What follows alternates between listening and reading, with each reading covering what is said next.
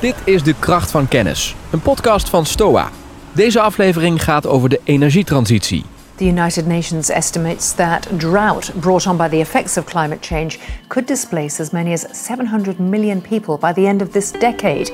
Waterschappen hebben ambities op het gebied van de energietransitie. Ze ondervinden als geen ander de gevolgen van de klimaatverandering. Maar toch zijn ze zoekende naar hun rol in die transitie.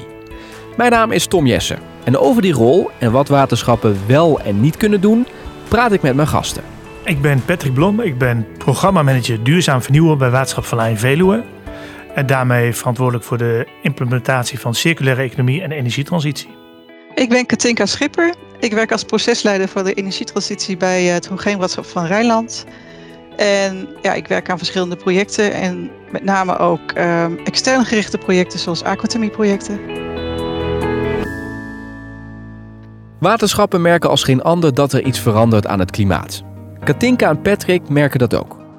Ik denk dat het heel belangrijk is om met dit, deze onderwerpen bezig te zijn, omdat de hele klimaatverandering raakt de kerntaken waar we als waterschappen voor, voor aan de lat staan. Hè. Dus veilige dijken, voldoende en schoon oppervlaktewater en het zuiveren van rioolwater. En door die klimaatveranderingen wordt dat steeds moeilijker en steeds duurder ook. Dus we hebben er alle baat bij om die klimaatverandering een halt toe te roepen. En energietransitie is een van de manieren waarop je dat doet. Ja, ik ben het helemaal met Patrick eens. En we hebben natuurlijk recent ook gezien hè, wat klimaatverandering teweeg brengt. Het stroomde het water hier overal naar beneden overstromingen in, uh, in Limburg. Gisteravond toen kwamen wij thuis van weg geweest en toen was het hier een meer.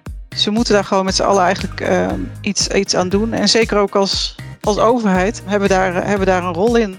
We hebben het, klimaatakkoord ondertekend met z'n allen. En uh, we willen in 2050 energie-neutraal zijn. En dat moeten we met z'n allen, daar moeten we met z'n allen een bijdrage aan leveren. De grote vraag is: wat is de rol van waterschappen in de energietransitie? Dat is best een lastige. Op het eerste gezicht lijkt de energietransitie weinig te maken te hebben met de taken van een waterschap. Een vraag waar ik dus wel wat hulp bij kan gebruiken. En daarom schakel ik de hulp in van Jitske, die me via Teams te woord staat.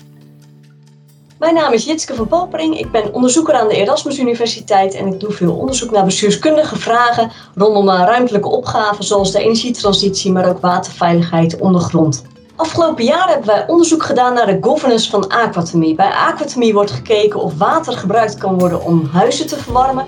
En daar komt van alles bij kijken, zoals financiering, samenwerking, governance arrangementen. En daar hebben wij onderzoek naar gedaan. Eerst maar eens de vraag, wat hebben waterschappen te maken met energie? Volgens Jitske bestaat daar geen twijfel over.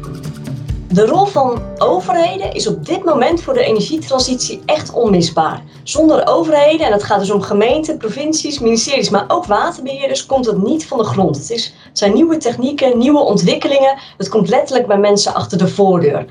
Dus ik zou echt een oproep willen doen, ook aan de waterbeheerders, ga daarmee aan de slag. En gelukkig hebben steeds meer waterbeheerders ook echt die ambitie om met de energietransitie aan de slag te gaan. Criticasters zeggen dat, hoe maatschappelijk relevant het onderwerp ook is, de energietransitie buiten de kerntaken van waterbeheerders ligt. Daar is Jitske het niet mee eens. Ze neemt het aquathermie-project als voorbeeld. Om tot een uh, aquathermie-project te komen is in het proces altijd een rol van overheden vereist, ook van waterbeheerders. In de uiteindelijke keten, hè, waarbij de warmte wordt geleverd aan huishoudens, kunnen overheden in heel veel gevallen het overlaten aan bedrijven of aan coöperaties. Maar juist in aanloop naar een project zijn overheden onmisbaar. Oké, die laatste woorden die zijn belangrijk. Kunnen we dat nog een keer herhalen, jongens? Maar juist in aanloop naar een project zijn overheden onmisbaar. Zijn overheden onmisbaar. Zijn overheden onmisbaar. Zijn overheden onmisbaar. Alle waterschappen zoeken hun weg in de energietransitie. Sommigen wachten tot er energieprojecten op en afkomen en anderen zijn heel actief door zelf projecten te initiëren. Patrick vertelt hoe het bij zijn waterschap Vallei en Veluwe gaat. In 2018 heeft ons bestuur eh, twee beleidskaders vastgesteld. één voor circulaire economie en één voor energietransitie. Uh, daarin zijn ook echt doelen gesteld. Hè. Bijvoorbeeld in 30, uh, 2030 willen we 30% van onze energie opwekken uit hernieuwbare bronnen. We willen ook al onze energie duurzaam inkopen. Dus we kopen ook met ingang van dit jaar in op basis van Nederlandse wind. Um, En ook op het gebied van circulariteit zijn ook echt, uh, echt doelen uh, gesteld. Hè? Circulair inkopen. En vervolgens ga je ontdekken wat betekent dat dan. Belangrijk bij het opstellen van beleid is volgens onderzoeker Jitske dat er geen standaard format voor is. Nou, de verwachting vooraf was dat je een soort standaardmodel hebt. Hè? Van zo regelen we de governance altijd. Maar het blijkt vooral maatwerk te zijn. Dus elke situatie verschilt heel erg van elkaar. En het is dus belangrijk als overheid om per situatie te kijken wat kan ik betekenen om de energietransitie hier een stapje verder te helpen. En om te laten zien dat er per waterschap uit dat beleid verschillende initiatieven naar voren komen, blijkt al uit het antwoord dat ik krijg van Katinka als ze vertelt over de plannen van Rijnland. Rijnland heeft de ambitie om in 2030 energie-neutraal te zijn. En dat doen we door um, zonneweiders aan te leggen, bijvoorbeeld op onze, op onze zuiveringen. Um, we zijn aan het kijken of we, of we mee kunnen um, doen in uh, investeren in windmolens. En aquathermie is natuurlijk uh, een, een manier om daaraan bij te dragen. De term is al een paar keer gevallen, dus het is mooi om eens iets nader in te zoomen op die aquathermie. Hoe ziet die zoektocht eruit? En waar lopen de waterschappen bij die projecten tegenaan? Patrick begint met het project bij zijn waterschap. We zitten hier op de rioolwaterzuivering Apeldoorn. En de rioolwaterzuivering Apeldoorn is een van onze grootste zuiveringen. En daar komt iedere dag een bepaalde hoeveelheid rioolwater aan. En hier vlakbij ligt een woonwijk van ongeveer 3000 woningen, woningeenheden. Hoogbouw, laagbouw, eh, scholengemeenschap zit erin. En uh, de gemeente heeft eigenlijk aangegeven dat we die woonwijk moeten gaan verwarmen met het warmtepotentieel wat hier in die zuivering zit. Bij Waterschap Rijnland hebben ze een vergelijkbaar project. En Katinka legt het uit. Wij draaien samen met de gemeente Katwijk en de woningbouwcorporatie um, ook een uh, project. En dat is ook een proeftuin, uh, een uh, aardgasvrije wijkenproject. Dus ook gesubsidieerd door het Rijk Waarbij een wijk van uh, eh, 700 woningen, eh, bestaande woningen van het gas af wordt gehaald met uh, het oppervlakte, warmte uit het oppervlaktewater. Dus dat is um, waar de Oude Rijn in zee komt. Daar zijn we ook al een aantal jaren mee, mee bezig. Er is een, een technisch ontwerp. Um, technisch gezien is aquathermie helemaal niet zo, zo ingewikkeld. Je haalt warmte uit het water met een, met een warmtewisselaar. Je, je hebt een warmtenet en je brengt het naar de woningen. En je, je waardeert het nog een beetje op met een warmtepomp. Voor alle energieprojecten geldt dat het nieuwe vormen van samenwerking vraagt met andere overheden, maar ook met energiecoöperaties en warmtebedrijven. Dat is ook zo bij het Aquathermie-project. Wat we nu aan het doen zijn, is dat we met heel veel partijen om tafel zitten.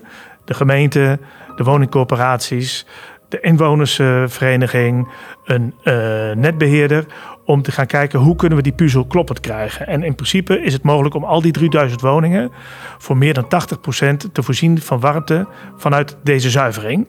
En daarmee uh, volgens mij iets van 4700 ton CO2 ieder jaar te besparen, omdat we daar aardgas vervangen.